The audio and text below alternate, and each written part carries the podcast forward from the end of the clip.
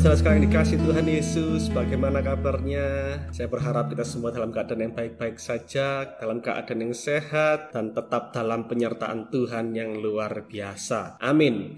Judul renungan pada hari ini yaitu menjadi seperti mereka. Terambil dalam 1 Korintus 9 ayat yang ke-20. Demikian firman Tuhan. Demikianlah bagi orang Yahudi aku menjadi seperti orang Yahudi supaya aku memenangkan orang-orang Yahudi. Bagi orang-orang yang hidup di bawah hukum Taurat, aku menjadi seperti orang yang hidup di bawah hukum Taurat sekalipun aku sendiri tidak hidup di bawah hukum Taurat supaya aku dapat memenangkan mereka yang hidup di bawah hukum Taurat. Amin. Bapak Ibu Saudara sekalian dikasih Tuhan Yesus, generasi muda saat ini adalah digital native, yaitu generasi yang lahir di era digital dan menggunakan serta berinteraksi dengan orang lain melalui digital. Beberapa tahun ini platform yang baru bernama TikTok menjadi booming di kalangan anak muda sampai saat ini. Juga di pandemi saat ini banyak hal baru yang bisa dikerjakan menggunakan teknologi. Meeting-meeting, pertemuan-pertemuan melalui virtual, berdagang menggunakan e-commerce, ibadah melalui online atau streaming. Baru-baru ini juga bahkan baru saja Mark Zuckerberg pemilik Facebook mulai merebranding Facebook dengan merubahnya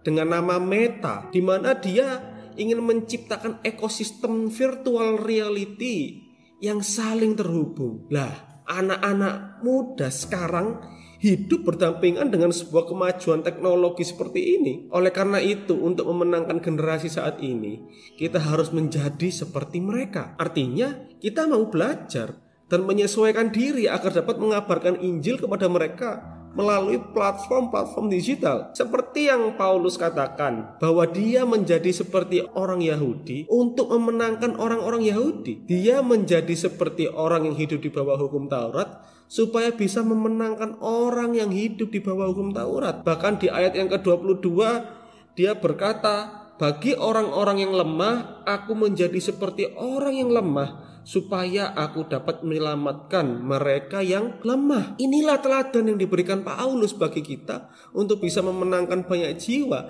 terutama bagi generasi muda saat ini. Bapak Ibu Saudara sekalian dikasih Tuhan Yesus sebagai orang tua daripada dilingkupi oleh kekhawatiran akan perilaku generasi muda dalam dunia digitalnya, maka lebih baik orang tua belajar akan media digital menyesuaikan diri dengan generasi muda untuk dapat mengabarkan Injil dan menjangkau generasi muda bagi kemuliaan Tuhan. Amin. Tuhan Yesus memberkati kita semua.